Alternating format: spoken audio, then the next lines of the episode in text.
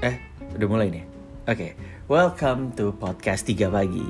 Podcast ini akan berisi perbincangan santai mengenai profesi atau pekerjaan yang banyak diminatin orang. Mungkin buat kalian yang kepo sama profesi tertentu, langsung aja diklik episodenya. Untuk episode pertama akan ada teman gue yang berprofesi sebagai animator dan dia bekerja di luar negeri. So, langsung aja meluncur ke episode 1.